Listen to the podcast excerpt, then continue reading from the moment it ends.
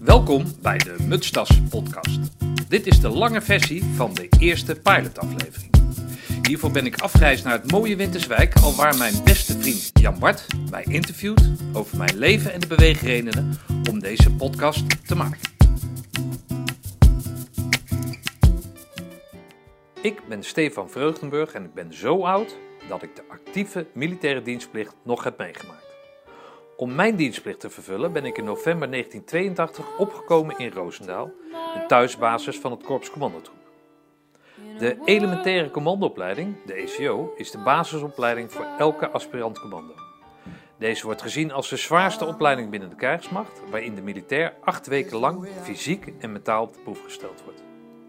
In de ECO wordt de soldaat cursist genoemd en is herkenbaar aan het dragen van een tokkeltouw en een mutstas. De mutstas is de standaard wollen sjaal die op een bepaalde manier tot een hoofddeksel gevouwen wordt. In deze Mutstas podcast interview ik mijn oude dienstmaten, waarmee ik de groene beret heb behaald en probeer uit te vinden hoe zij de ervaringen van bijna 40 jaar geleden hebben gebruikt in werk en privé. In goede en in slechte tijden.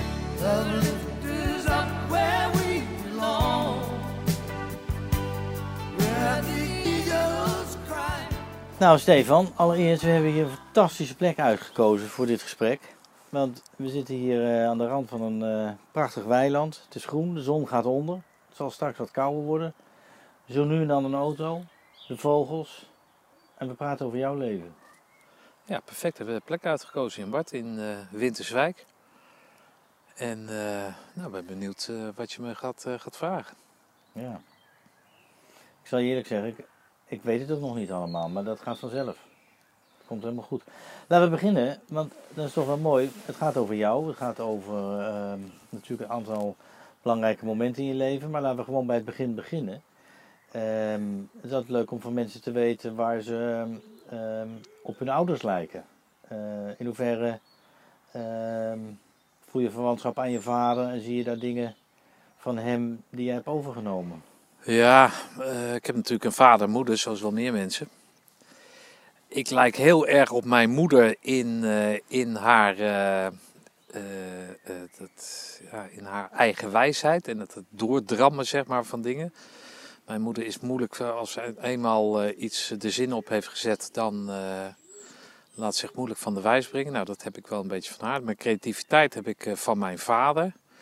Zat in de reclame, de kunstacademie gedaan. En eh, die, eh, nou, dus het beste van beide ouders heb ik, eh, heb ik in mijzelf verenigd, denk ik. Creatieve eigenwijze.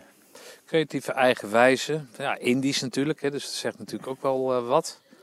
En dat heb ik natuurlijk heel erg van hun overgenomen. Al, al willen zij niet Indisch zijn, of in ieder geval mijn moeder niet. Ziet eruit als een oud Indisch vrouwtje, dus nu, sorry mam.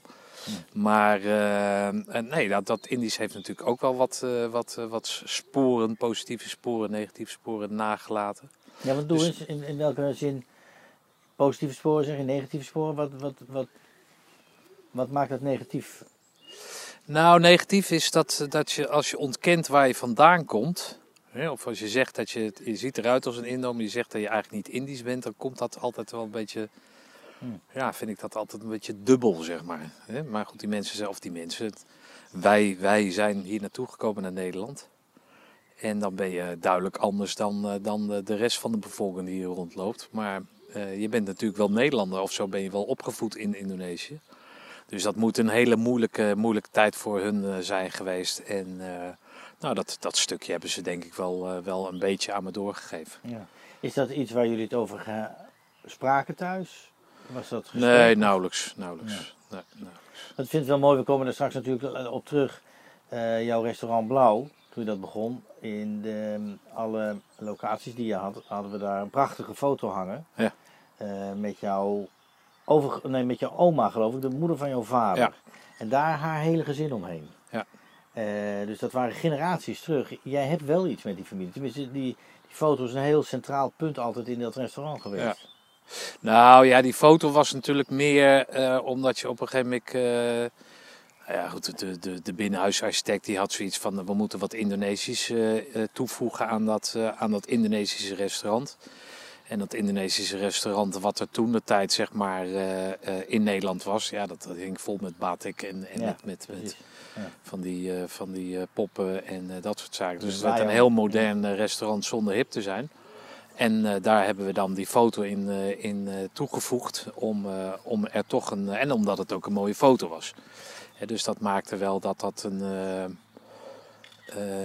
maar daar heb ik niet... Die foto hing altijd ergens gewoon, weet je wel, in een fotoalbum of, of wat dan ook. Dus dat, maar toen die dan in dat restaurant Ja. kwam te hangen, wel, kwam die wel heel prominent over Nou, inderdaad. ja. Ja, dat was ook wel echt, echt commercieel was dat echt een hele goede, goede print. Want Ja. ik vind het wel mooi wat je zegt, jouw ouders, het was niet een gesprek thuis, eh, die Indische achtergrond, ook wel een beetje van, hè, we willen het niet zijn. Ja, Nederlands het- dan de Nederlanders zijn, hè, Ja, probeer te zijn. Ja. Is dat voor jou Ja. inmiddels ook zo? Of heb jij daar, hoe, hoe zit je daar zelf in? Nou, ik vind het jammer dat ik, eh, dat ik eh, bijvoorbeeld niet kan koken, weet je wel. en ik vind het jammer dat mijn, mijn... Oh, wat ik mooi vond was dat mijn dochter, Rome, die is nu eh, 22, maar toen zij een jaar of 10, 11 was... Toen eh, begon ze haar te kleuren of zo, weet ik veel wat, wat blonder. En, eh, en, eh, en op een gegeven moment liet ze haar eigen haarkleur weer staan. Of ze, ze, ging het juist wat donkerder maken. Toen zei hij, "Oh, wa- wat is dat dan? Zei ze, ja, ik wil meer Indisch zijn. Ik wil er meer als een Indo uitzien. Ja, dat vond ik, toch wel, vond toch wel fijn. En ik heb dat nooit kunnen overgeven natuurlijk toen, toen mijn ouders naar Nederland kwamen. Ja, toen waren dat natuurlijk, was het een hechte gemeenschap. Hè, de Indische gemeenschap, of de familie die je dan nog had. Die in Nederland had tegen de Nederlanders, om het zo maar te zeggen.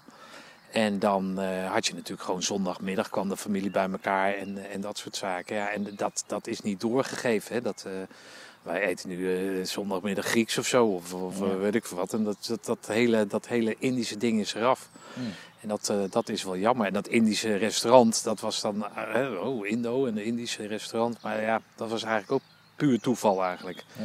Ik wilde eigenlijk een Italiaans restaurant of zo, maar dat Indisch, ja, toen dacht op een gegeven moment dacht ik van ja, waarom niet een Indisch restaurant? Oh, er zijn niet zoveel Indische restaurants. Oh, er zijn niet zoveel hippe, sterker nog, er zijn geen hippe Indonesische restaurants. Ja, zo is dat, eh, zo is dat gekomen.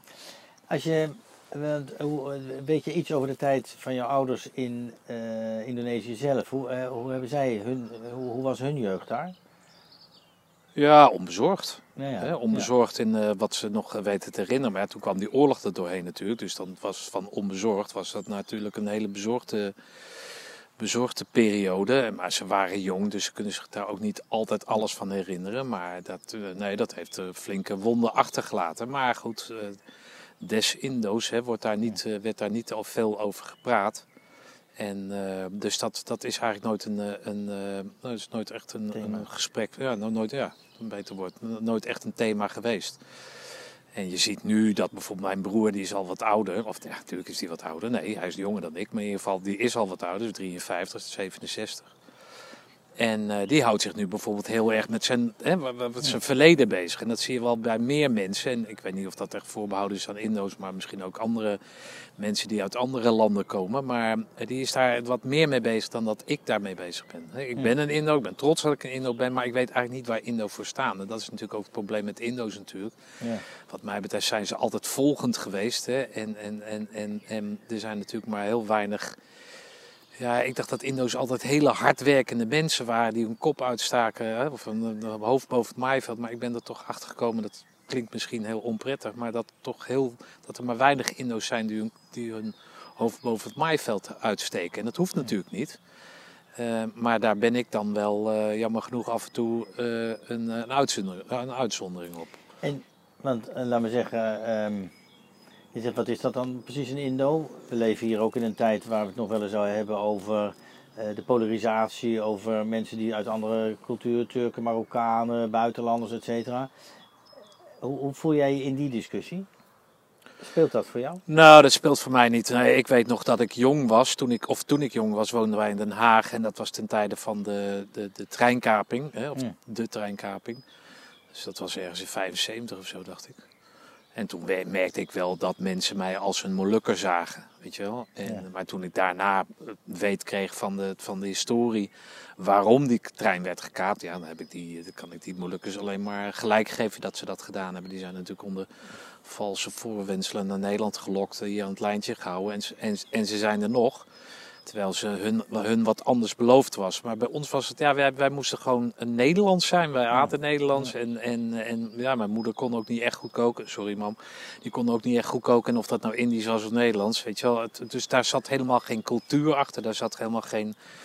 Nee, daar zat niet. Dat, nee, het was, we waren gewoon Nederlands. En, en nu.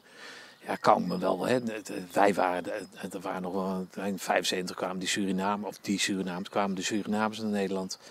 Er liep een verdwaalde Turk, een Spanjaard hè, als, als gast erbij. Dus wij waren eigenlijk de eerste, eerste buitenlanders die er, eh, die er waren, zeg maar.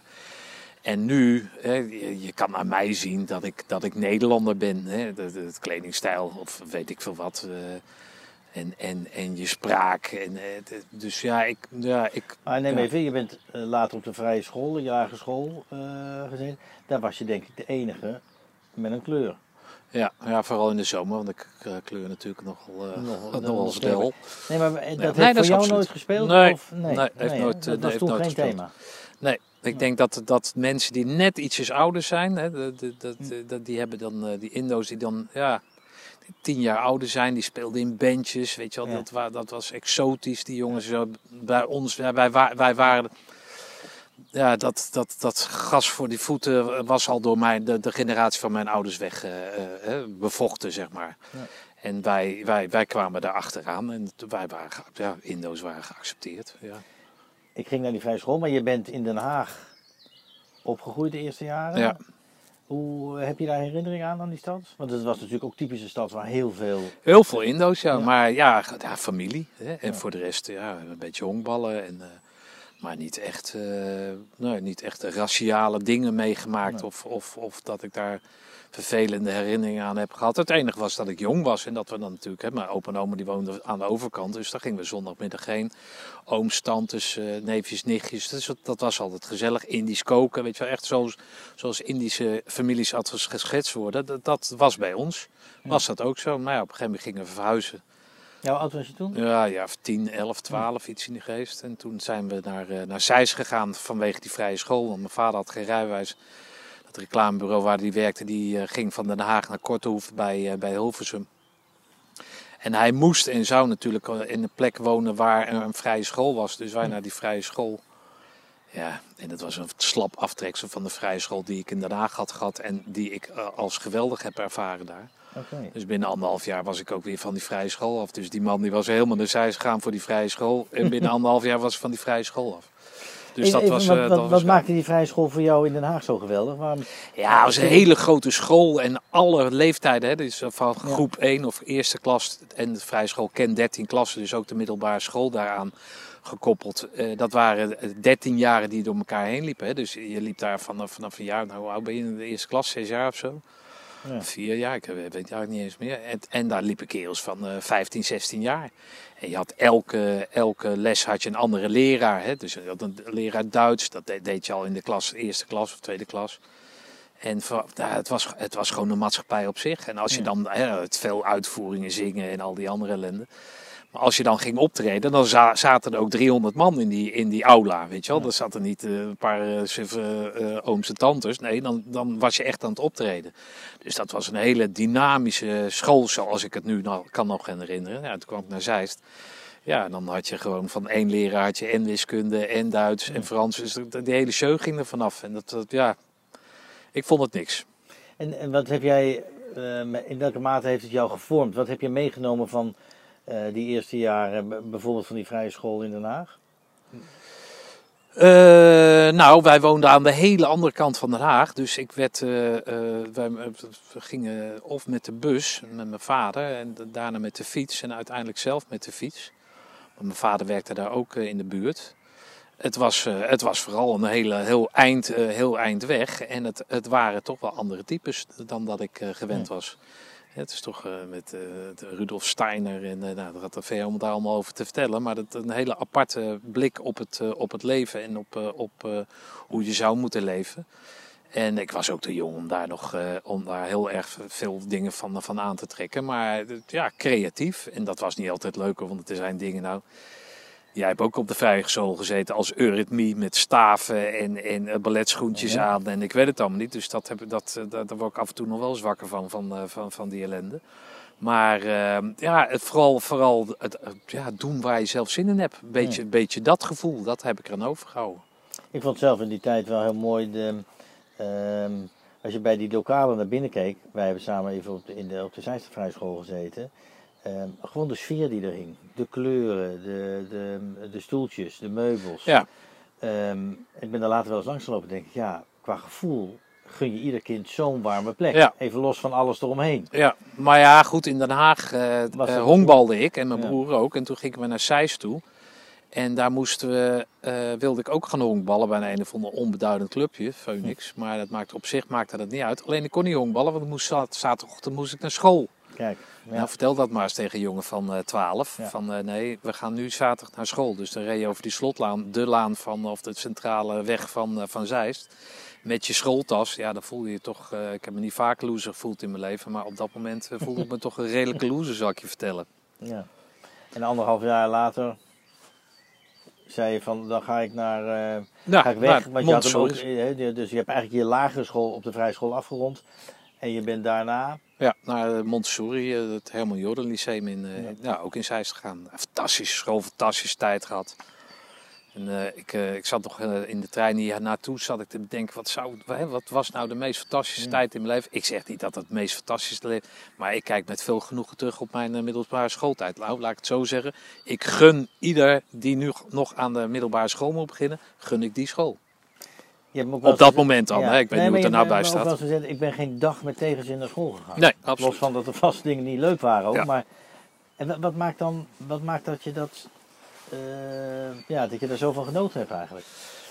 Want je moest ook gewoon je huiswerk maken. Ja, maar dat, leren, dat was daar dus zo dat je, dat, je, dat, dat je het allemaal een beetje zelf mocht uitvogelen. Dat was het, dat was het grappige ervan. Ja. Ik weet niet hoe jij dat hebt ervaren, maar ik heb toch hele tijden niks gedaan. En, eh, en niks gedaan, niet, niet niks gedaan, maar eh, dingen georganiseerd. Nou ja, wij hebben samen basketbaltoernooien georganiseerd. Ik weet het al, die dansmarathons. Oh nee, dat was met die, eh, met die lange, met de Re- Renier. Maar ik heb daar toch eh, ja, fantastische tijd mee gemaakt. En de HAVO top afgemaakt. Maar goed, dat is misschien gaat het te ver om dat, daar, daar verder ja, op in te ja. gaan. nou, daar komen we straks dan nog op. maar even, want, eh, want we ronden daarmee, la- laten we zeggen 12 jaar, hè, die eerste 12 jaar. Wat voor jongetje, of wat voor jongen, want eh, toen je 12 was, was je natuurlijk al een hele vent. Wat voor jongen ging er toen van de vrije school weg? Wat, wat, was, je, wa- was je een baldadig kind? Was je lastig? Nee, ik was, gewoon, je- heel, eh, gewoon heel eh, leuk jochie. Ja? Nee, niet oh, oud, geen vechtersbaas of, of een moeilijke jongen of helemaal niet. Ik deed gewoon, kwaad? nee, helemaal niet. Niet overmatig. Nee hoor. Nee. Ik was ook geen jongen van de straat of zo. Of helemaal niet. Ik had gewoon een keurig gezin. Mijn vader werkte hard. En eh, eh, werkte voor zichzelf. Was uiteindelijk voor zichzelf begonnen. En eh, was ik trots op.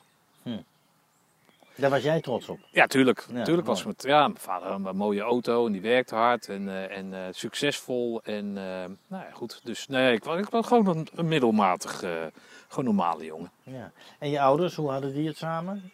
Hmm. Ja, die hadden het. Ja. Nou, zo'n huwelijk zou ik niet willen hebben. Maar dat, uiteindelijk zij ook niet, want ze zijn gescheiden. Dus dat, eh, dat ging, eh, ja, die mensen waren niet echt voor elkaar gemaakt. Misschien niet leuk om te horen hè, dat ze dat nu horen. Maar ja, anders ga je niet scheiden als je niet, als je niet voor elkaar, ja, je hoeft niet voor elkaar gemaakt te zijn. Maar dat, dat, dat had ik al vrij vroeg door. Dat, dat, dat klikte niet, dat matchte niet. Maar uitte zich dat in ruzie? Of Ja, in- ruzie. Ja. ruzie. Gewoon Ja. eh, hm. niet fijn, laat ik het zo zeggen. En niet dat ik, een, ik heb een prachtige jeugd gehad, maar dat was niet. Ja, en die mensen waren zelf ook niet gelukkig. Dus dat, eh, dat, Nee. dat, dat, dat- ja, dat Nou, maar dat voelt, dat neemt een kind mee. Jij, Ja, nee, goed. Ja, ik vind, ik vind het vooral vervelend voor hunzelf. Hm. Ja, voor ook mezelf. als mannetje van 12. ja, vond ik dat vervelend. Ja. Ja. Ja. Hm. Hm. Ja.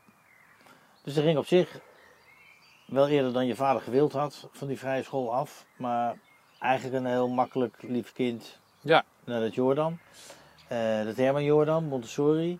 Ehm, en, je, hebt al iets gezegd, we konden daar van alles doen. Je kon er dingen organiseren. Er was een makkelijke sfeer. Ehm, vriendschappen. ehm, nou ja, bu- buiten hockey eh, ben je gaan doen. Wat, want dat is ook, ook daarvan wel weer leuk om te weten van... Wat heeft je daarin, dan, daar zat al iets van dat ondernemende in. Dat, los van dat je je huiswerk moest maken, maar altijd bezig. Altijd, ja, altijd bezig inderdaad. Ja. ja, gewoon leuke dingen doen. Ja. Ja. En dat, dat, dat, eh, dat roept natuurlijk, eh, roepen wel meer mensen. Maar ik heb dat echt wel geprobeerd als ik dat zo terugkijk, weet je wel. Ik eh, wilde echt wel, ja, ja, ik weet het niet. Ja. Ik wilde gewoon leuke dingen doen.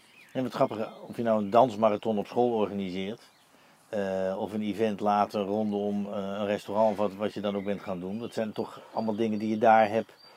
Nou ja, Nou ja, weten te ontplooien. Ja, geleerd heb je het niet, maar je leert natuurlijk wel om. Nou, zullen we wat doen? Ja, ik weet eigenlijk ook niet zo waarom dat, eh, hoe dat dan ontstaat. Maar ja, je doet het gewoon. ja, en het kon. En het kon. Hè? Je kreeg de ruimte om dat te doen. En, en, eh, en de juiste mensen om je. Jij, Renier, weet je wel. Dat, dat mensen die daar ook wel eh, zin in hadden. Ja, ik, ik ben altijd wel een beetje geweest van... Ja, ja, ja niet lullen, niet poetsen. Maar, maar poetsen, dat klinkt ook al zo bla bla. Maar ja, als je iets wil, dan moet je wat doen. En ehm, middelbare school, ook begin, ehm, ik weet ze natuurlijk niet allemaal, maar de liefde. Ja, de liefde heb ik daar ook ontdekt. De mannenliefde, nee, de vrouwenliefde. De mannenliefde kwam pas laat, nee. dat kwam pas later inderdaad. Ja, liefde. Ja, eh, vrij vroeg zelfs. Ja, En dat, was, dat was heerlijk dan met, eh, met Esther Teulen. En wij waren, zaten in de tweede klas of zo. En dan spijbelden we eens een uurtje. En dan gingen we bij de, onder de trap eh, bij, eh, bij de kantine. Gingen we, hadden we een kartonnen doos liggen. En daar een beetje voelen. En eh, het betere voel en, en het trekkenwerk, om het zo maar, zo maar te noemen. Dus dat was, ja, dat was grappig. Dat was leuk. En Ja. ook, ook niet even, hè? Dat, ik bedoel, je was al vrij Soms jong. je twee wat- uur. Ja, dat bedoel ik natuurlijk. Dat is toch ook wat. hè? Nee, maar dat jullie al lang bij elkaar bleven. Ik weet niet hoe lang je met Esther... Nee, nee ik- oh, dat, oh, dat weet ik niet eens meer. Nee? Ja, wat is lang? Een jaar of zo? Twee jaar? Ik, Nou nee, nog niet eens. Ik heb geen idee. Dat is niet... eh, Nee, op een gegeven moment kwamen de andere kapers op de kust. Ja, daar had ik Ja. natuurlijk moeite mee. Maar hoe dat precies eh, gegaan is, weet ik niet. Er zijn geen slachtoffers gevallen. Maar Nee. eh, dat ik er niet mee blij mee was, dat, eh, nee, dat kan ik me voorstellen. heb, je echt, heb je echt liefdesverdriet gehad? nee, nee, niet? nee. Nou, je, je lacht erop. Wel Liefdesverdriet in mijn leven wel, Ja, maar, maar, Maar nee, niet in... Maar met Esther, nee, dat was, eh, dat was, eh, nee, was dat, ja, en ik zie dan, we, zien, eh, we hebben zo'n reunieclub hier, waar jij ook onderdeel van uitmaakt. Dus dat is grappig om daar op, op terug te kunnen kijken. Ja. En dat je elkaar dan, hè, ruim 40 jaar later, nou, 45 jaar later, ja, 45 jaar later nog steeds elkaar ziet. Precies. Ja. Je zegt, dat was niet de liefde waar ik veel verdriet over gehad heb. Ehm die eerste. Is het in je leven op, op, op, de, op die middelbare school wel, heb je wel vriendinnen gehad waar dat moeilijker ging en waar dat... en je lacht erom. Ja, ja, Nou ja, maar dat, ik kan me ook voorstellen dat je met, met meer verdriet afscheid hebt genomen of dat het niet ging of... nee. Nee. Nou, nou ja, natuurlijk. Ja, je hebt wel eens een verkeer in elkaar lagen wij. Ja, dat, ja. die ging dan, eh, die, die wilde niet meer. Ja, dat, dat is altijd vervelend, toch? Ja. En dat is niet zozeer behouden aan mij of voorbehouden aan mij, maar ik denk Nee. dat dat Daar voel je niet eh, anders in dan alle anderen. Nee, nee, nee, nee, god nee. Nee hoor. Nee. Nee. Nee, nee, absoluut niet. Nee. Je zou zeggen, ik gun ieder kind een schooltijd zoals ik hem gehad heb. Ehm, dan ben je dus 17, 18 hè. Dat je de, de HAVO hebt afgerond daar, eindexamen gedaan. Ehm, wat, wat, eh, want de, de lagere school verlaat je als een lief, ehm, ja, eigenlijk een kind waar je als ouders geen omkijken naar hebt. En je gaat zorgeloos naar dat Herman Jordan Lyceum. Hoe ben jij die school, wat, wat voor jongen stond er toen je daar die school verliet? Nou, eh, iemand die eh, volgens mij het nog niet precies wist wat hij wat die zou moeten doen. En toen eh, heb ik op aanraden van mijn vader heb ik, hoe heet dat, toelatingsexamen gedaan voor de, voor de kunstacademie. Nou, ik had nog nooit geschilderd ja, op de vrije school, maar dus even in twee, drie dagen wat overgetrokken en ik weet het allemaal niet. Maar ja, dat, als laatste werd mijn naam opgenoemd om zijn werk op te halen. Nou, ik heb het werk gewoon laten liggen en eh, ben verder gegaan met mijn leven. Ja, en toen, eh, toen, was, toen was het ja, wat, in mei of zo. Of, wanneer ben je klaar met je eindexamen? en eh, ja, toen, toen moest ik, moest, ik weet niet eens of ik dienst in moest, maar de dienstplicht riep, om het zo maar te zeggen. En eh, eh, eh, dan zijn er bepaalde keuzes. Ik heb vandaag bijvoorbeeld een podcast geluisterd over jongens die, van die veteranen die in Libanon zijn geweest. Mm. Dus toen daar, volgens mij kwam er zo'n formulier binnen waarin je kon aangeven wat je, wat je wilde gaan doen. En toen dachten we, nou ja, fuck it, ik, zou, ik weet niet of ik dat Libanon gedaan heb. Volgens mij niet. Volgens mij vond ik dat net, net even een stapje te ver. Maar er stond ook eh korpscommandotroep op, dus dat heb ik ingevuld. En ja, werd ik opgeroepen en eh, ik eh, kon, eh, kon naar, naar En Roosendaal. wat voor beeld had je daarvan? Van dat, Oh ja, had ik eigenlijk niet, helemaal niet zo'n idee Nee, van. nee. nee. zal ik je vertellen. Ik, ja, er was natuurlijk ook niet iets als Google of filmpjes die je kon bekijken of, of wat dan ook. En ik kwam nou niet echt uit een hele militaristische familie, of eigenlijk helemaal niet. Mijn vader was altijd, was altijd hoogst in rang en die was soldaat, hoe noem je het, uh, hospik geweest. En daar had hij altijd nog oorlogsverhalen over. Dus ja, ik, wist, ik had eigenlijk geen idee. Ik had een vriend, Ted, en zijn vader was marinier. Die was eh sergeant-major bij de mariniers. Nou, dan wist ik wel dat het, dat het was flink aanpoten was. Dus ik heb wel getraind, hard gelopen en dat soort zaken. Maar ja, uiteindelijk ben ik erheen gegaan en eh, eh, we zien het wel. ja. Maar wel bijzonder, dus je wist wel dat het iets bijzonders was. Wat het precies was, weet je niet. Dan ga je daarheen, want daar moet je wel echt wat zwaardere toelating doen. Dienstplicht is één, maar daar... En dat kwam, in, daar rolde je zo naar binnen. Nou ja, het was, je kwam met wel heel veel mensen kwam je op. En ehm, daar vielen natuurlijk in die vooropleiding vielen daar, hè, wel wat mensen af. En eh, dus dat was twee maanden, leer je marcheren en, eh, en gedoe. En, eh, ja, en dan was daar de, de, de elementaire commandoopleiding, de ECO zoals ze dat noemen. En nou, daar was dan zeg maar, dat is acht weken kijken of je het, of je het haalt of niet. En dan, eh, eh, dan daarna als de grote beloning, als jouw grote medaille, krijg je dan de groene beret. Ja.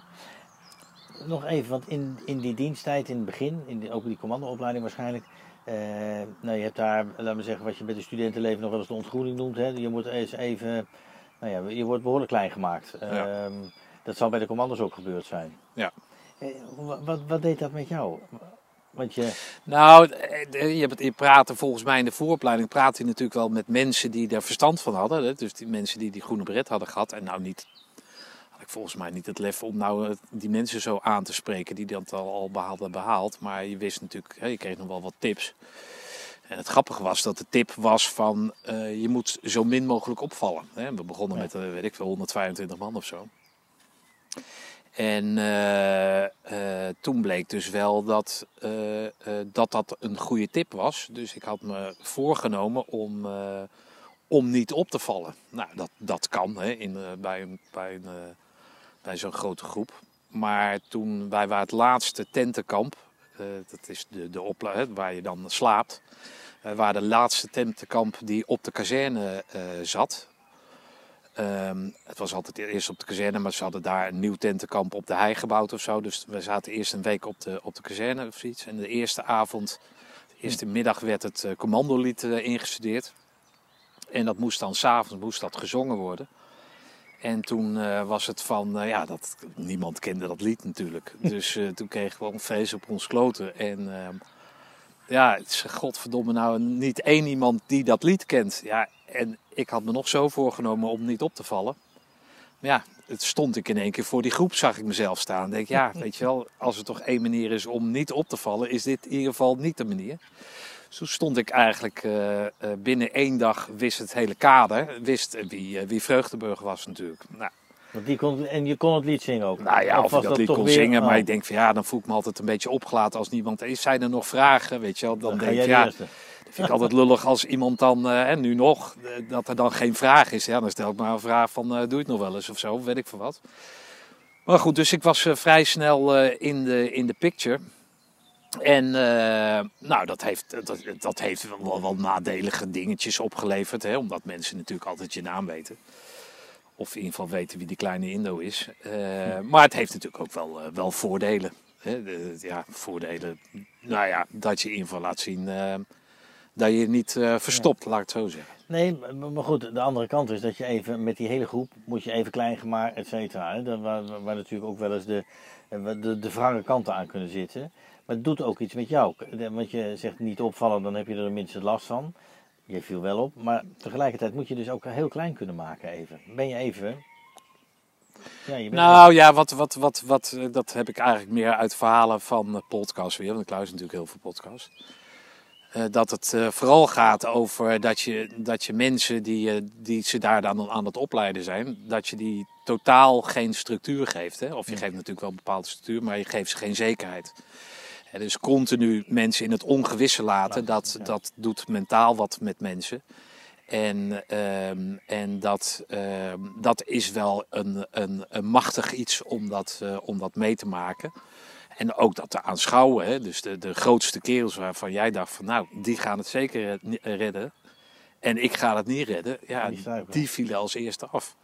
De mensen die, eh, eh, als we dan een stormbaan moesten nemen, die eigenlijk als eerste altijd aankwamen, ja, die werden eh, zeg maar een beetje naar beneden getrapt van, ja, jij bent als eerste, maar help jij geen andere mensen, sta jij zo in het leven, weet je wel?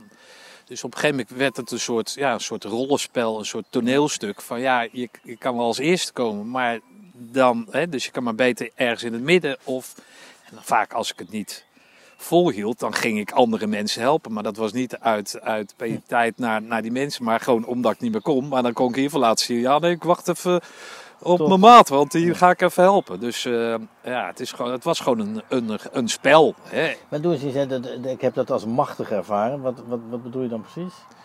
Nou, ik heb bijvoorbeeld wel eens, eh, eh, of wel eens, ik heb heel veel marathons gelopen. Maar mijn eerste marathon was daar in de buurt, in Etteleur. En toen had ik daar heel vroeg eh, goed voor getraind. Drie maanden niet gerookt en ik weet het allemaal niet. En het was buiten mijn diensttijd of na mijn diensttijd. En dan loop je 40 kilometer en dan zie je, de, de, dan moest je nog omheen, een heel groot grasveld heen. En dan zie je de kerktoren van, eh van Gilserij, was dat? Nee, het niet Gilserij, maar dat dorp.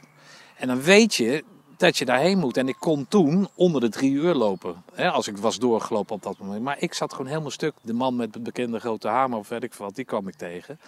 En op dat moment ga je helemaal stuk. En toen ging ik gewoon lopen. Maar of je nou stopt of niet stopt, weet je, of je opgeeft. Je moet toch naar die kerktoren, want daar staat je auto. Daar is de finish. Snap je?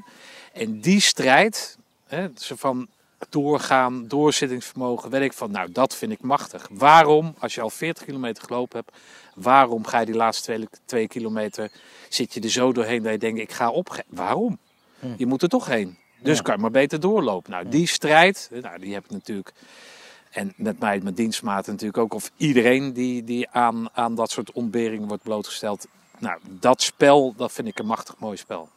En dat is ook iets wat helemaal in jou geraakt is. Ik bedoel, dat, eh, zo loop je nu eh, jaren later nog eh, bijna ongetraind de Vierdaagse.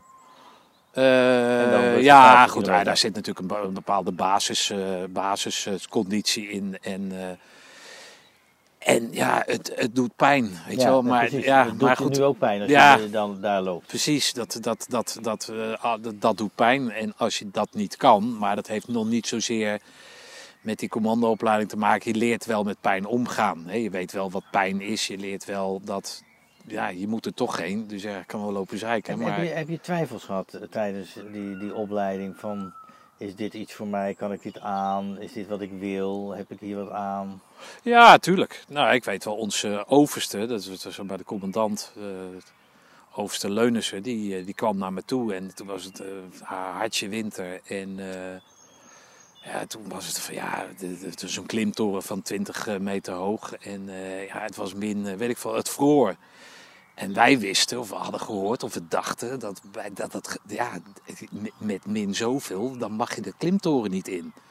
Maar wij moesten die klimtoren in. En eh, ja, maar ja, dat, dat, dat kwam niet eens in je op om te zeggen van nou maar in regel eh 13 eh, statuut eh, weet ik veel wat eh, het staat. Nee, je moest, en toen kwam die, die overste naar me toe. En die zei ja, Vreugdeburg, moet je luisteren. Je, kan natuurlijk heel zielig gaan doen, weet je wel. Maar ja, je moet toch die klimtoren in. Dus wat ik nou altijd doe als ik het zwaar heb, dan ga ik om me heen kijken. Dan ga ik naar bomen kijken, naar foto, god, dat is mooi. En al is er niks mooi te ontdekken, ga je net zo lang kijken of verzinnen, totdat je iets moois, dat je je focus ergens anders op kan doen. Ja, van klimtoren, nou ja, je moet, zal het toch moeten doen. Gewoon doorzetten, weet je wel. Ja, en dat is mij altijd wel, hè, dus als ik het nu een beetje moeilijk heb, dan ga ik, me, ga ik één, of denken aan momenten dat ik het nog zwaarder heb gehad. Dus dan zeg ik, ja, Mietje, dat je er rondloopt, dit is toch helemaal niet zwaar. En dat kan lichamelijk zijn, maar dat kan ook geestelijk zijn. En dan zet ik, dan zet ik door. Of dat, dat is mijn modus geworden om door eh, moeilijke, moeilijke tijden heen te komen. Als je die, die- voor zover er drie blokken zijn, hè, je lagere school, je middelbare school en die diensttijd, klinkt die diensttijd wel als het meest vormende eigenlijk. Het- daar zitten wel heel absoluut. veel... Nee, ja. absoluut. Ja. Ik ben een beetje bang dat we nou aan het kraken zijn, maar...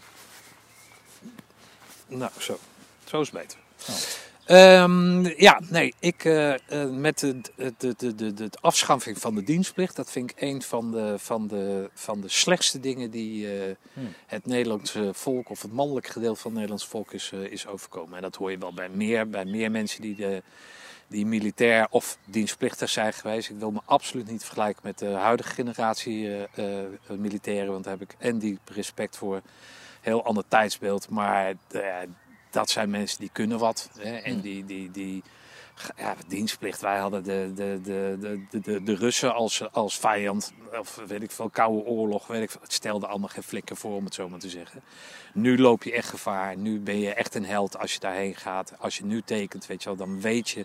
Ja. Ben je volle van bewust wat, wat jou kan overkomen. Dat je een kogel kan, kan opvangen. Dat je dood kan gaan. Dat, dat je, maar ook de mooie dingen. Dat je mensen in de wereld helpt en zo. Ja, dat was daar dat was totaal niet, daar was totaal geen sprake van. Maar wat ik het mooie van dienst, nou ja, bij ons in ieder geval vond, is alle rangen en standen, eh, en dan rangen en standen qua milieu of qua hoe je eruit zag of zo, alles Ja. viel weg. Je krijgt allemaal dezelfde merkkleding aan. Hè? De, wat de, de, de, de militaire dienst je dan geeft, dat groene pak. Je hebt allemaal hetzelfde kapsel het maakt niet uit waar je vandaan komt. En je wordt zo in een, in een, zo een rollercoaster gegooid. dat je ook daadwerkelijk met elkaar wat moet doen. Want Ja. in je eentje red je het niet. Dan val je af namelijk. Zijn dat daarmee ook mensen die je voor de rest van je leven, vast niet allemaal, maar bent blijven zien en kennen en, en maten? Nee, wij hadden, we hadden heel veel pelotons om ons heen. En, en oudere pelotons die eh, t-shirts drukten. Ja. Reunies hadden elk jaar. Ik weet het allemaal niet. Eh, en dat, eh, er is zo'n eh, zo'n zo'n blad, de Groene Beret. Daar ben ik daar geen lid van. Word ik wel binnenkort natuurlijk vanwege deze podcast. Hm. Maar, en daar zag je dan een reunie van, die, ja, dat hebben wij nooit gehad. Dus ik, ik ga naar elke reunie. En daar ontmoet ik dan een, een aantal kerels. Ja, maar goed, de laatste reunie heb ik dan zonder drank gedaan. Maar dat kwam natuurlijk ook omdat ik niet heel veel geld had. En eh, eh, daarvoor was het eigenlijk gewoon één baganaal. Gewoon zuipen, eh, weer tegen elkaar aanpiezen, vechten bij wijze van spreken. De stad in en, en dan zonder beret, want die had ik dan weer weggegeven aan een of andere gehandicapte of aan weet ik veel wat. Het is altijd hetzelfde. Maar dat is één middag. Ja. En dan moet je dan vijf jaar in inhalen, snap je? En je gaat altijd met dezelfde mensen dan een babbeltje maken. Nu word je wat ouder, dus de laatste reunie was eh, in 2017, meen ik. Ja, dat was eigenlijk de eerste keer dat ik hem nuchter meemaakte. Hmm. En dat ik ook wat dieper met, met, met kerels ben, eh, ben, eh, aan de praat ben geraakt. En dat, dat is eigenlijk ook de reden waarom ik deze podcast maak, onder andere. Dat ik ben benieuwd ben, weet je wel, wat, wat, wat, Ja. wat die mensen, die jongens, nou eigenlijk aan die commandoopleiding hebben gehad. Ik weet wat ik eraan heb gehad en wat, wat, wat het mij eh, gebracht heeft, één, maar hoe het me ook verder heeft geholpen. En ik ben benieuwd naar die verhalen van, eh, van die andere kerels. Maar, maar doe eens even voor jezelf. Hè. Je, als je kijkt naar moeilijke tijden in het leven, dan gaat waarschijnlijk die groene beret ook meer spelen en meer betekenis krijgen. Wat is, wat, wat is voor het eerst dat jij zegt, dat was in mijn leven een tijd waar ik even het zwaar voor de kiezer heb gehad? Nou, ik heb, eh, ik heb eigenlijk nooit met. Ik, sp- ik sprak eigenlijk nooit over die groene beret. Weet je wel? Als mensen Nee. zeiden van goh, en waar heb jij gezeten? Weer bij de infanterie of zo. Weet je wel? Ik, of een verjaardag of, of wat dan ook. Nee. Maar, maar ja, ik heb, ik heb er eh, in de loop der jaren. da- duid je steeds meer dat het, dat dat wel daar zijn grondslag heeft. Ja, meer het intrinsieke dan dat je Precies. er mee te koop liep. Ja, precies. Maar je hebt dingen meegemaakt in je leven die niet fijn waren, of waar je kloten had, of eh, er doorheen zat. Eh, la- la- laten we zo'n periode bij de kop pakken waarvan je zegt, toen ging het gewoon eigenlijk niet goed met me. Nou, het, het is eigenlijk altijd heel goed met me gegaan. Eh, eh, ik, ben, eh, ik heb een eh, Indonesische restaurantketen opgericht en eh, heb ik gehad. En daar ben ik, eh, ik denk nu zeven of acht jaar, ik weet het niet eens, maar ben ik eh failliet gegaan. Eh, in, in de crisis. Hè. Eh, eh, veel, veel geld was daarmee gemoeid. Ik heb daar, daarna eigenlijk mijn kop in het zand gestoken. Ben op de vlucht gegaan. klinkt heel erg, klinkt heel erg James Bond-achtig. Maar goed, ik, ben, ik heb me gewoon laten uitschrijven. Ja. En ben onder het maaiveld gedoken, omdat dat voor mij gewoon de makkelijkste manier was. Ik ben van mijn vrouw afgegaan, mijn kinderen achtergelaten, ben vreemd gegaan met een meisje van het schoolplein. Eh, waar ik nu gelukkig nog wel mee samenwoon nog. Eh, dus dat zijn allemaal tijden geweest waar ik het niet... eh, en dat komt hoofdzakelijk door mezelf. Hè. Ik ga daar niemand de schuld voor geven. Nee, Maar dat, dat, dat- daar heeft die groene beret, of hetgeen wat ik daar eh, ehm, heb, heb meegekregen, heeft, daar, heeft me daar wel in geholpen. Maar ook in het ondernemen. Ik heb in situaties, zakelijke situaties gezeten waar ja, die niet prettig waren, laat ik het zo zeggen. Dan heb ik het niet over onderwereld of wat dan ook. Ik heb een restaurant in Amsterdam gehad wat gewoon eh, anderhalf jaar dicht zat. Wat, eh, wat, wat in principe in drie maanden afgebouwd zou moeten worden. ja. En de bouwstop en de gemeente die moeilijk deed en, en, en, eh, politie en nou, alle diensten in Amsterdam heb ik, heb ik op mijn nek gehad. Uiteindelijk dan toch open gegaan. Maar daar, dat doorzettingsvermogen, dat, heb ik, dat stamt wel uit die tijd, uit, uit Roosendaal. Nou ja, want je zegt, het is me altijd misschien wel goed gegaan. Misschien heb je het allemaal op die manier doorstaan. Maar het verhaal wat je vertelt van... Ja, nou ja, misschien is dat het wel. Ik kan het, ik kan het door, dat, door die diensttijd, denk ik, hè, of ik daar heb meegemaakt, kan ik, kan ik dingen relativeren. Denk ik. Denk ik hoor. Maar of, het- ja, ik, neem het, ik neem het allemaal niet zo. zo. Nee, even van, van de buitenkant af eh, zie je ehm, zo'n zo'n pril begint met ik, ik wil een hip, hè, wat je net ook vertelde, een hip eh, Indonesisch restaurant neerzetten. Dat zet je neer. Nou komen er twintig mensen, volgens de prognose van de bank moeten er derde. Het, zijn- het staat in Utrecht, het staat in Amsterdam. Iedereen is laaiend enthousiast. Het is jouw toko met die prachtige foto middenin. Maar je gaat wel failliet. Dat is wel... Ja, nou ja, nee, natuurlijk. Maar dat was in de, in de crisis. En wij zaten altijd vol, of ik zat altijd vol. Ja. Alleen omdat ik anderhalf jaar in Amsterdam dicht was geweest. Hè, omdat, ja, ik had een 3,5 ton of 3 ton van de bank geleend. En, na twee maanden was het op. Toen kreeg die bouwstop of zoiets. Toen ging ik naar de bank toe. Ik zei, ja, we moeten een beetje meer geld hebben. Ja, ja nou, dat kan niet. Want eh, laat je maar failliet verklaren. En toen ben ik doorgegaan. En toen heb ik hemel en aarde bewogen om, eh, en eh, met aandeelhouders en, eh, en ik, hè, waaronder jij bijvoorbeeld, die mij allemaal 3000 euro gaven en daarvoor een, een, een pakket terugkregen en ook de garantie, nou ja, garantie tot de voordeur bleek achteraf dat ze dat terugbetaald zouden krijgen. En daarmee heb ik de boel daar weten te redden, maar toen was er eenmaal een gat geslagen.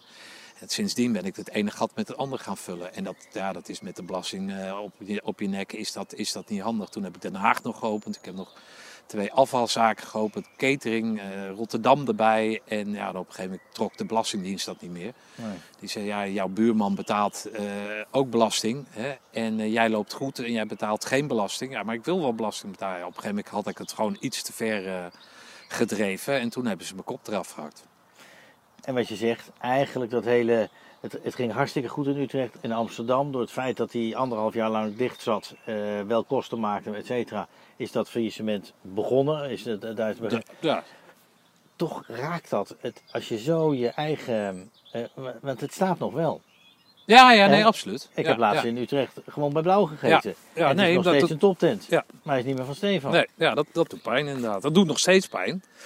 Alleen ja, eh, commando of niet, weet je, ja, het is niet Ja. anders. Maar en dan, wat helpt je dan die groene beret? Want je zou hier ook een verhaal van kunnen maken van iemand die naar de kloten gaat, aan de drank is, aan de drugs komt, omdat hij zijn droom in duigen ziet storten en met een on, ja, onmogelijk Ja. faillissement blijft zitten. Ja, Wat doet die groene beret dan met je? Is dat inderdaad een... nou, dat is iets van, eh, ja, ik hou er helemaal niet zo van, ja, dat zijn wij. En, eh, Nee, Maar dat is meer van, ja, ehm, ehm, ja, ik ben een groene beret en ik laat me niet kisten. Ja. En eh, fuck it, dan duik ik me onder of zo, weet ik wat. Maar ja, schuldhulpverlening, ja, ik kan niet van 800 euro per maand kan ik niet leven. En, en ik kan mijn kinderen al nauwelijks ondersteunen, maar dat- niet van 800 euro, weet je wel. Dan wordt het een heel simpel spel waar je alleen maar aan jezelf moet denken. Maar ik heb een vrouw, ik heb mijn, hè, mijn huidige vrouw dan, eh, mijn vriendin. Eh, eh, ik heb mijn kinderen, ik heb ook een schuldgevoel naar mijn ex natuurlijk. Dat soort zaken spelen er allemaal. Ja, en dan blijft die groene beret wel een beetje ja, god voor de god voor. Je bent toch geen homo? Helemaal niks tegen homo's in Bart, hè? maar wat ik bedoel. Je bent toch geen homo? Je bent toch geen mietje? Kom op, je bent een groene beret. Weet je, een beetje dat. Ja. En dat vind ik dan wel, als je dat zo zegt, ik laat me niet kisten. Andere kant, wat opmerkelijk is, is dat je het ook eh, de tijd voorbij bent dat je ervoor schaamt en het verhult of het niet vertelt of er om, omheen loopt. Nee. Zit dat, eh, want zit dat ook, of waar komt dat vandaan? Dat je gewoon zegt, zie dat je dat vraagt, god je had die tent, ja ik ben failliet gegaan. Of, het- het- Ja, ik heb daar nooit, maar dat heb ik mijn hele leven nooit gedaan. Ik heb eh, ja, misschien wel een tijdje gehad van als ik ergens werkte en dan zei van wie is die tunt? Dat ik zei van oh, die tunt is van mij. Ja, dat heb ik eigenlijk nooit gezegd, maar van, ja, ik ben mede-eigenaar. Dus ik wilde dat heel graag. Ik wilde heel graag ondernemer zijn. En het jammer is dat ik toen ik ondernemer was, dat ik wel een hele creatieve jongen was, ben. Ja. Hè? Alleen ik ben geen goede zakenman. Hm. En dat sluimert, er- of dat gaat er nu langzaam in dat dat misschien, ik geef niemand de schuld, maar dat het misschien wel lag aan dat ik niet zo'n goede zakenman was. Hm. Dat ik wel creatief was, dat ik alles kon verzinnen, dat ik de meest waanzinnige dingen kon doen. Maar het gaat toch om geld. En dat is jammer, weet je wel. Met Monopoly gaan op het geld. Maar in het echte leven gaat het ook om het geld. Ja. En ik geef niet zoveel om geld. Of eigenlijk helemaal niks. Nee, en, en, maar aan de andere kant zeg je dus ook, ik, ik had ook helemaal geen moeite om dat te vertellen. Nee, helemaal niet. Ik ja. heb daar helemaal geen moeite mee. Ja. Ik, ik baal, of baal, maar ik heb echt zoiets van, joh, als jij je verhaal wil vertellen, ga nou mij niet een mooie verhaal vertellen. Zeker tegenwoordig. Ik, maar ook iedereen kan toch zo jouw verhaal achterhalen. Snap je? Dus waarom ga je nou vertellen dat je eh, binnen bent en, eh, en eh, weet je, wat, vertel gewoon, als, als jij contact met mij wil hebben, een gesprek met mij wil hebben, vertel dan gewoon de waarheid. Ja. En ik wil niet zeggen dat ik geen leugentjes vertel. Dat doe ik af en toe ook wel eens. En ik ben ook vreemd gegaan en daar ben ik ook allemaal niet trots op. Maar ik ga, als mensen aan mij vragen, wat doe je? Ja, ik, ik maak nu schoon bij mensen. Ik werk twee dagen in de week werk ik, eh, als afwas. Hè, omdat ik toch een beetje wit wil verdienen. Zodat ik toch ooit, als ik een deal met de Belastingdienst hoop te gaan sluiten... dat ik toch nog kan zeggen, ja, maar ik heb toch nog wit gewerkt. Ik heb toch nog een beetje belasting betaald. Dus ik draai er niet omheen. En, eh, en ik wil eh, bijvoorbeeld aan mijn kinderen laten zien die natuurlijk ook niet trots zullen vertellen op een verjaardag. Nee, mijn vader staat ergens in de afwas. Maar dat er altijd een weg is. Snap je? Er is Ja. altijd een weg. En, en, en het, het hangt er maar vanaf van met wat voor mensen je weet te omringen. eh, dat mensen nog steeds respect voor je hebben. Of dat mensen nog steeds hoog hebben zitten of niet. Als je kon verhalen gaan vertellen, ja, ik heb daar niet zoveel mee. Nee, en in die zin, je voelt je ook nergens te goed voor. Hm. Het, is hartstikke mooi als je in een restaurant hebt wat goed loopt en je wat meer verdient, dan geef je wat meer uit. Maar als ik moet bijspringen in dat restaurant door het eh, 's ochtends te moeten schoonmaken of nu, eh, ja, een heel ander... eh, Nee, ja, het is gewoon, ik heb gewoon, en daar hadden we het vanmiddag tot toevallig over. Maar ik heb gewoon eh, nederigheid geleerd. Snap je? Ik, ik heb op hoge toppen gestaan, maar niet ook dat ik naar Ibiza ging en tonnen uitgeven. Dat, dat was er helemaal niet. En ik heb ook te veel geld uitgegeven en zaak, hè, gewoon zakelijk niet goed, goed geschakeld. Maar ik heb er ook geen moeite mee. Tuurlijk zou ik liefst elke avond nog uit eten gaan en, eh, en dronken worden. Niet van een goedkoop wijntje, maar van goede wijn. Maar het kan nou even niet. Nee. En ik, wil gewoon, eh, ik ben gewoon al jaren bezig om terug te vechten. En ik hoop op deze manier mijn verhaal eh, te kunnen vertellen. Ik ben benieuwd wat andere kerels ermee hebben gedaan. Maar ik wil dit ook, ik zie dit als nieuwe start voor, voor hetgeen hè, wat, ik, wat ik hier, ja, om mijn leven opnieuw vorm te gaan geven. Dus ik wil af van dat, van dat eh, eh, eh, verstoppen. Hm. Ik wil gewoon weer ergens ingeschreven staan. Ik wil verzekerd zijn. Ik wil dat soort dingen wil ik allemaal geregeld hebben. Ik wil gaan ondernemen. Ik heb een goed, goed plan. En daarin wil, ik, eh, wil ik uitleggen dat ik het allemaal verkeerd heb gedaan. En dat, dat ik geld wil gaan verdienen om schuldeisers terug te betalen. En dat, dat men daar dus mij even mee rust hè, van, mijn, van mijn nek af moet eh, eh, Ja. gaan. Dus niet dat ik ergens ingeschreven sta dat meteen overal beslag op wordt gelegd. Ik wil aan alles betalen, maar ik heb even ruimte nodig om, eh, om te Ruimte, ondernemen. Want in die zin is dat ook wel via, ja, of dat nou, ja, uniek is het in ieder geval. Je bent de eerste failliete crowdfunding. Ja. Het is eh, iemand die failliet is gegaan, terwijl die... Ja, werd- was toen helemaal, eh, eh, dat, dat, dat ging tot grote hoogte. En, en Blauw was daar, ja, ik heb in de top 10 van de beste crowdfund projecten gestaan van 2000, ik weet niet eens meer, 2012 of zo. En ik werd echt als, als voorbeeld genoemd voor andere crowdfund pro- projecten. Maar ik was wel de eerste die naar de kloten ging met crowdfund. En dat heeft mij heel veel pijn gedaan, omdat ik natuurlijk allemaal mensen die ik, die ik niet misleid had, maar gewoon wel verteld had hoe het erbij stond, gevraagd heb om geld. En die mij vert- vertrouwen gaven door dat geld te geven. En dat heeft me heel veel pijn gedaan, dat ik, eh, niet om nou een zielig verhaal te houden, maar eh, dat ik die niet toch, terug kon betalen. Nou, en toen kwam faillissement eroverheen. Ja, en dan is er in Nederland, dat is geen aanklacht hoor, het is ook geen klacht of eh, klaagzang. Maar er is in Nederland voor een ondernemer die failliet gaat, is er geen loket waar ze je oppikken eh, zonder geld en je begeleiden naar.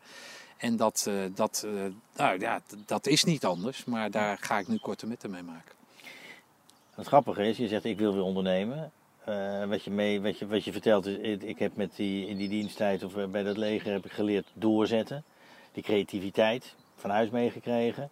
Maar dat zakelijke, daar heeft het me blijkbaar aan ontbroken om te voorkomen dat dat faillissement er kwam. Ehm, is dat dan nu wel... Ja, lessons learned. Hè. Ik, Ja. ik eh, ben nou met, eh, met Henk bezig en Henk eh, die, eh, die heeft zijn zaakjes wel op orde. En eh, ik denk dat we elkaar aanvullen. Aanvullen in eh, eh, ik de creativiteit, hij eh, Ja. het, eh, het, eh, het verstand, om het zo maar te zeggen. Dat is grappig. Je hebt gezegd, ik ga niet iets waar ik niet goed in ben proberen zelf op te krikken. Maar ik zoek iemand naast me. Ja, ik Eh, ben natuurlijk daar ook altijd moeilijk in geweest. Ik ben ook al heel lang op zoek geweest toen de tijd naar, naar een kompion. Maar ja, dat waren allemaal zulke mierenneukers, weet je. Ik dacht ja, daar kan ik niet mee. Ja, had, ik- had ik hem maar wel gedaan. Hè. Ja. Maar eh, ja, dan, daar zit je gewoon in een bepaalde, bepaalde eh, fase van je leven. En niet dat ik nou op mijn schoenen liep, maar ja, ik, had de, de, eh, ik wilde ondernemen, weet je wel. Kijk, als ik gewoon in Utrecht was gebleven, had ik nu een, een tweede huisje in eh, Frankrijk gehad. Een, eh, een tweedehands Mercedes. Twee jaar oud, drie jaar oud, weet je net de kop eraf. En dan had ik een prachtig leven gehad, denk ik. Maar ik was te eager, weet je wel. Ik wilde dat, dat concept wilde ik uitrollen. En waarom? Ja, ik vond het prachtig als al die zaken vol zaten. Ja. En wat het dan ook kostte. En eh, als iemand tegen mij zei, ja Stefan, ik vind je een goede pik hoor, maar ik vind die wijnglazen. Dan kocht ik gewoon meteen 300 nieuwe wijnglazen. Weet je wat ik zo mis in jou, bij jou in de zaak? Dat is eh linnen servetten. Dat vind ik altijd, hup, linnen servetten erin. Weet je wel, ja, dat soort dingen. Ja. Dat moet je gewoon niet doen. Nee. Dan ben je gewoon niet, dan ben je gewoon niet verstandig bezig. Wat ik wel weer leuk vind, jij, je vertelde even in de tijd in Den Haag, dat je in die, nou ja, laat maar zeggen, in die Indische familie, samen, hè, een mooie warme tijd, op die middelbare school, vriendschappen, club om je heen, eh, ook warmte samen. Die diensttijd zijn natuurlijk ook toch een soort kameradschappelijkheid bij met elkaar. Maar anderzijds heb je ook, hè, dus je gaat heel makkelijk op in een groep. Eh daar ben je makkelijk een, een, een gewild onderdeel van, zou ik maar zeggen. Maar je bent ook een Einzelganger. Het je verbinden aan een compagnon is veel moeilijker voor je. Ja. Nou ja, ik dacht, ik- dacht bijvoorbeeld dat ik, ja, in dienst was ik, eh, was ik eh, eh, soldaat of commando en daarna commando 1 en daarna corporaal.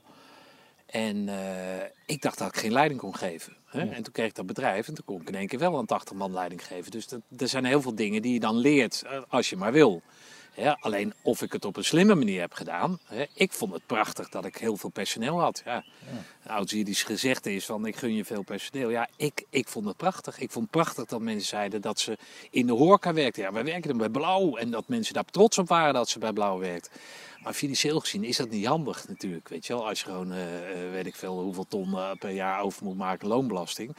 En daar, daar heb ik mezelf een beetje in vergalopeerd. Daar, maar er is ook, hè, en dat is, er is ook niemand in Nederland bij een bank die dan zegt van, weet je wat, we zetten even bijvoorbeeld een mentor naast je of zo. Weet je wel, je mag dat geld van ons lenen, maar dat is je ervaring, je hebt niet zo ervaring, we zetten een mentor naast je. En dat zou, dat, dat had ik toen wel eens gedacht na het faillissement, dat zou wel een goede taak zijn voor mij of voor iemand anders. Eigenlijk met, meer met iemand die met geld kan omgaan, weet je wel. Om zo iemand ernaast te zetten. Hij moet natuurlijk wel een beetje sociaal Ja. intelligent zijn om zo iemand aan te voelen. Maar daar kan je natuurlijk veel verder mee komen. Want je moet Dan van dat goede je- huizen komen, denk Ja, ik. dat Als je het in één keer allemaal zelf, 300 eh, linden servetten kopen, dus dat gaan we even niet doen. Precies, ja. En de- als je dat niet toelaat, zo iemand, weet je wel, of dat moeilijk vindt, of uh, centenneuken of mierenneuken, hoe je zo iemand ook wil noemen.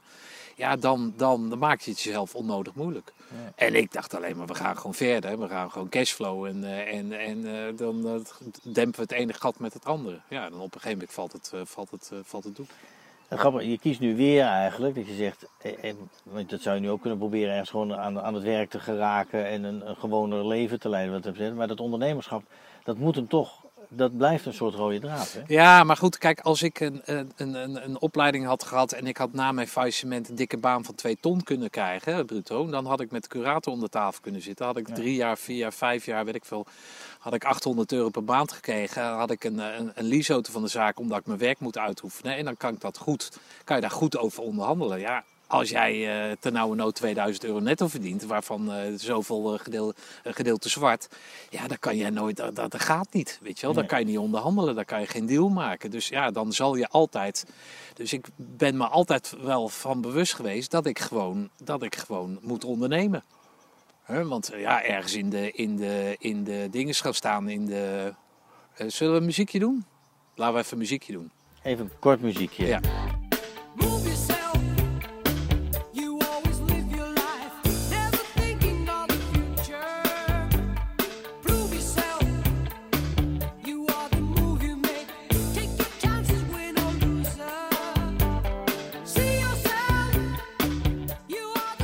Nou, was een lekker muziekje, ja, Bart. waarom heb je dit nummer uitgekozen?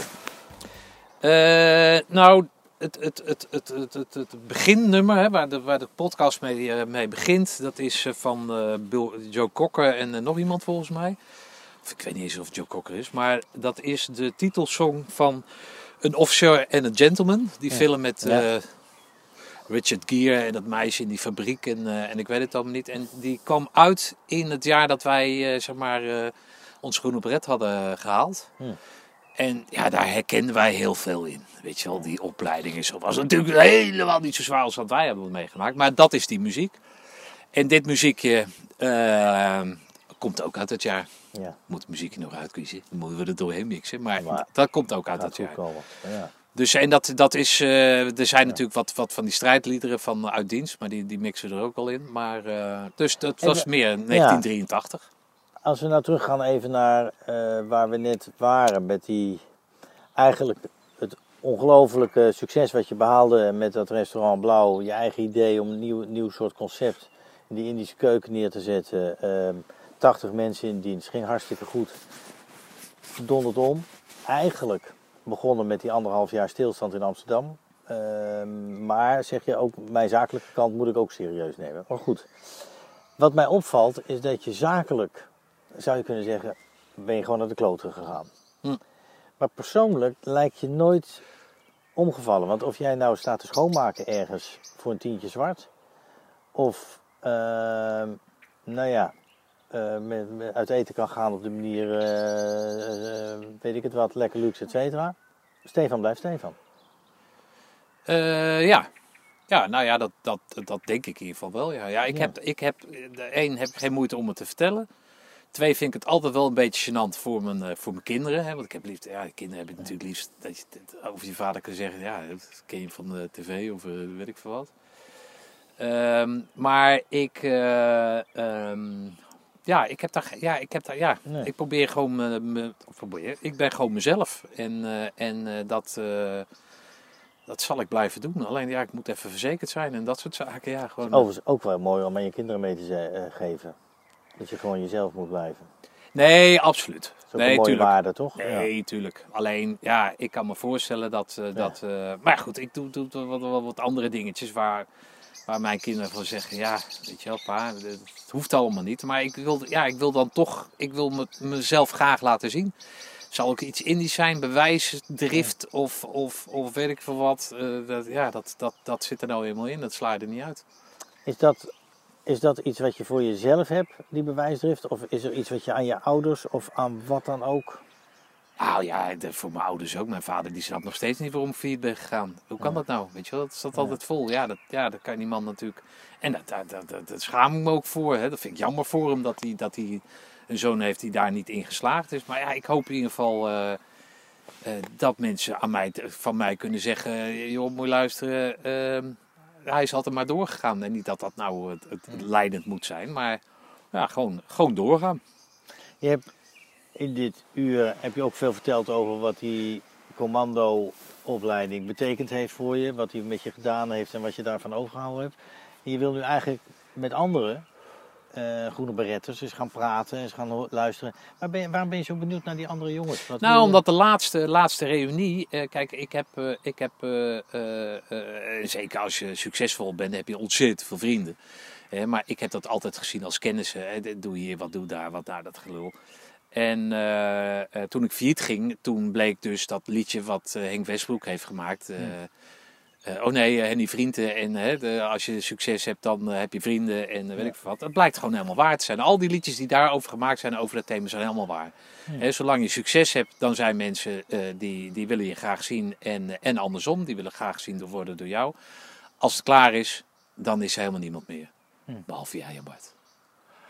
En een aantal andere mensen nog. Maar het merendeel eh, laat nooit meer wat van zich horen.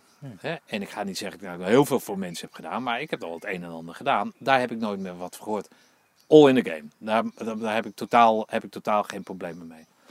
Maar ik probeer gewoon door te gaan. Hè, in de zin dat ik, dat ik op mijn manier wil laten zien, zeker naar mijn kinderen toe, van nou ja, wat ik al eerder zei. eh, eh, het leven gaat door. En de problemen zijn om, om aan eh, aangepakt te worden. En met die hele schuldsanering en zo. Die zegt bij vriendin, en zegt ook, maak er nou eens een eind aan. Ga er nou eens wat aan mee doen. Wees niet zo laf. Ja, ik ben daar laf in geweest. Snap je? Ik ben daar zeker laf in geweest. Nu ben ik eigenlijk een beetje je vraag kwijt, maar... Nou ja, want ik ben wel benieuwd wat je ehm, in jouw zoektocht, want dan ga je dus met een aantal van je... Oh, met die eh, kerels. Ja, met ja, die nou ja, wat- goed. Kijk, ik denk dat ik. eh, ik kan, denk ik, maar dat denk ik. Hè. Oh nee, dat was het verhaal. Sorry. Laatste reunie kom ik dus Ja. in nuchtere staat. Ben ik daar eh, tijdens die reunie. Kom ik allerlei kerels tegen. Maar ik ben eigenlijk benieuwd hè, hoe het met ze gaat. Maar het is, zo, het is bijna 40 jaar geleden. Dus als je daartussen niks met elkaar gedaan hebt. Ja, met Otte, eh, de eh, maatje van me.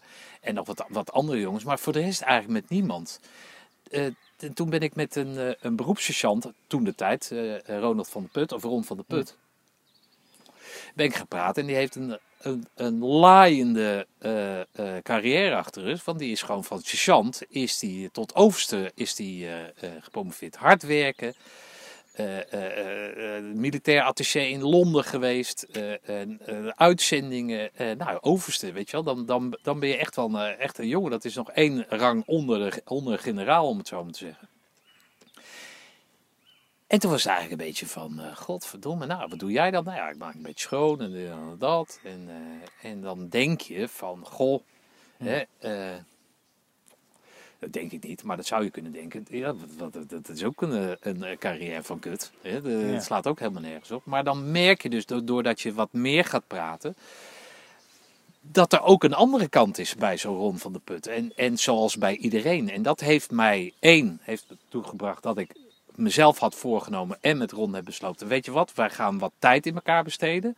Dus we gaan één keer de zoveel tijd gaan we wandelen. We doen wat leuke dingen met elkaar. Ook niet eh, al te vaak.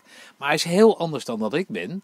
Snap je? Maar dan blijkt in één keer dat, dat, dat, je dus, dat ik dus in staat ben om een nieuwe vriendschap op te pikken. Dat vond ik, vond ik hartstikke leuk met Ron. Echt een toffe kerel. Maar daarnaast heeft het me ook heeft het, het, het, het, het, het, het, het, het, eh, eh, aangewakkerd van wat zou er nou met die andere kerels gebeurd zijn. Want eigenlijk zeg je, hè, eh, in zijn militaire prachtige carrière hartstikke goed. Maar ook in zijn leven heeft hij waarschijnlijk dingen meegemaakt waar hij doorheen heeft moeten gaan. En dat heb jij moeten doen op het zakelijke. Ja. Maar de, al, al die makkers hebben voor dingen en vragen Precies. gestaan. En ik ben gewoon nieuwsgierig. En ik kan, denk ik, met een biertje op, hè, vooral, hè, omdat ik veel geef. Weet je wel, ik geef veel. Ik vertel alles over mezelf. En dan gaan mensen ook wat aan mij vertellen. Hè? En dan niet van, nou, nou, ik werk daar en daar. En oh, nee, ik heb twee kinderen. Nee, maar ik wil juist meer, iets meer de diepte in. Wat heb jij nou in moeilijke tijden, maar ook in mooie tijden, wat heb je nou aan, aan, aan, aan die kameraadschap waar, waar die groene beretten al zo voor staan? Weet je, wel? wat heb je daar nou aan gehad? Wat heb je in de rest van je leven nou gehad aan die, aan die, aan die groene beretten, om het zo maar te zeggen? Ben ik En- gewoon nieuwsgierig naar. Ja, wat grappige bij jou is dat ik er niet uithaal dat in die kameraadschap, want in, ja, laat maar zeggen, in het faillissement ben je heel veel van je vrienden en eh, werd je niet meer gezien. Hè? Eh, ben je alleen. Nou, Rood was er één, Otte was er, eh, was er één. En voor de rest wa- wa- was daar eigenlijk helemaal niemand. Hè? Maar dat verwijt ik u niet, maar dat verwijt wijt ik meer aan dat we elkaar dat niet goed onderhouden hebben. ja. Hè, andere bergtons hebben dat wel gedaan, wij hebben dat niet gedaan.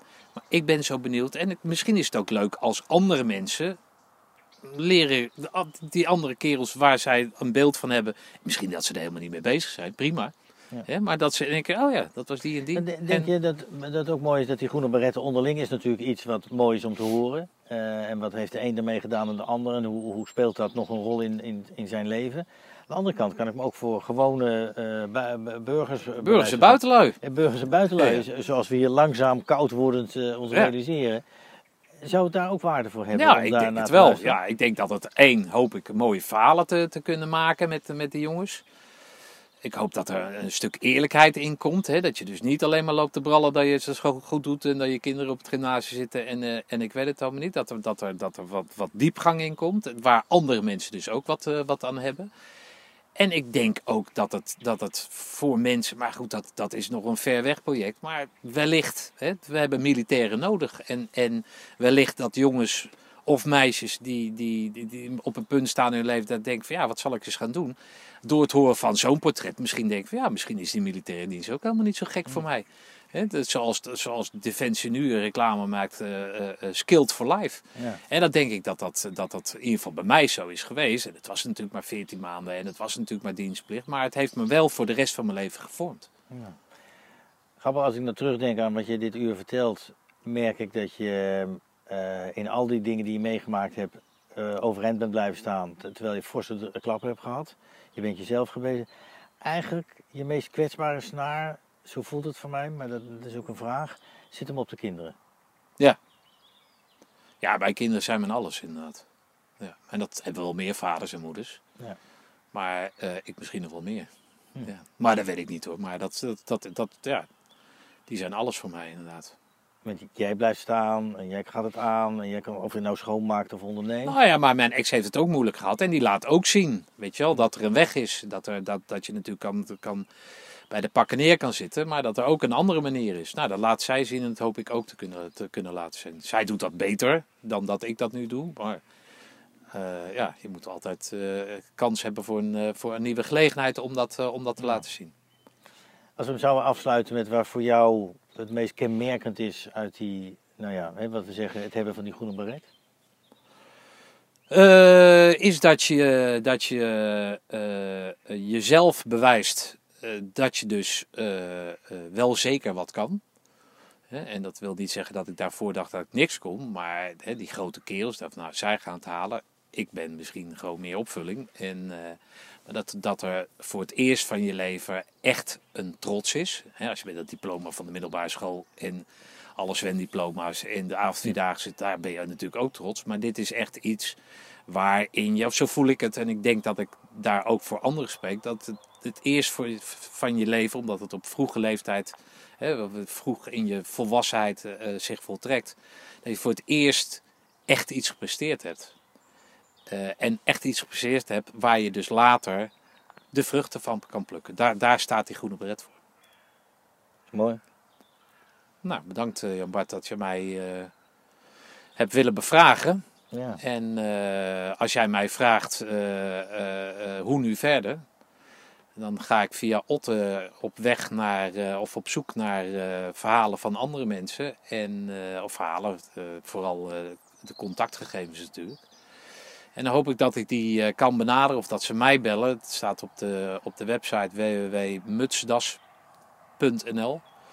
Eh, kunnen ze alle contactgegevens eh, kunnen ze, zien. En ehm, mensen hoeven ook niet bang te zijn voor mij Nee. hè, om geïnterviewd te worden. Want ik heb tot nu toe wel wat gepresteerd, maar ik heb het nog niet echt gemaakt, om het zo maar te zeggen. Slechter dan dat ik het kan doen, doe ik het bijna niet. Dus als ik jou ondervraag, dan ga ik jou niet vertellen hoe jij het beter had moeten doen. Ik ben puur en alleen op zoek naar een mooi verhaal. En een mooi verhaal met als verbindende factor die goede brengt. Nou, dit was hem dan. De eerste aflevering van de Mutstas podcast. Ben jij er nou een van lichting 82.6 en wil jij jouw levensverhaal met mij en anderen delen? Ga dan naar www.mutstas.nl, meld je aan en ik kom naar je toe.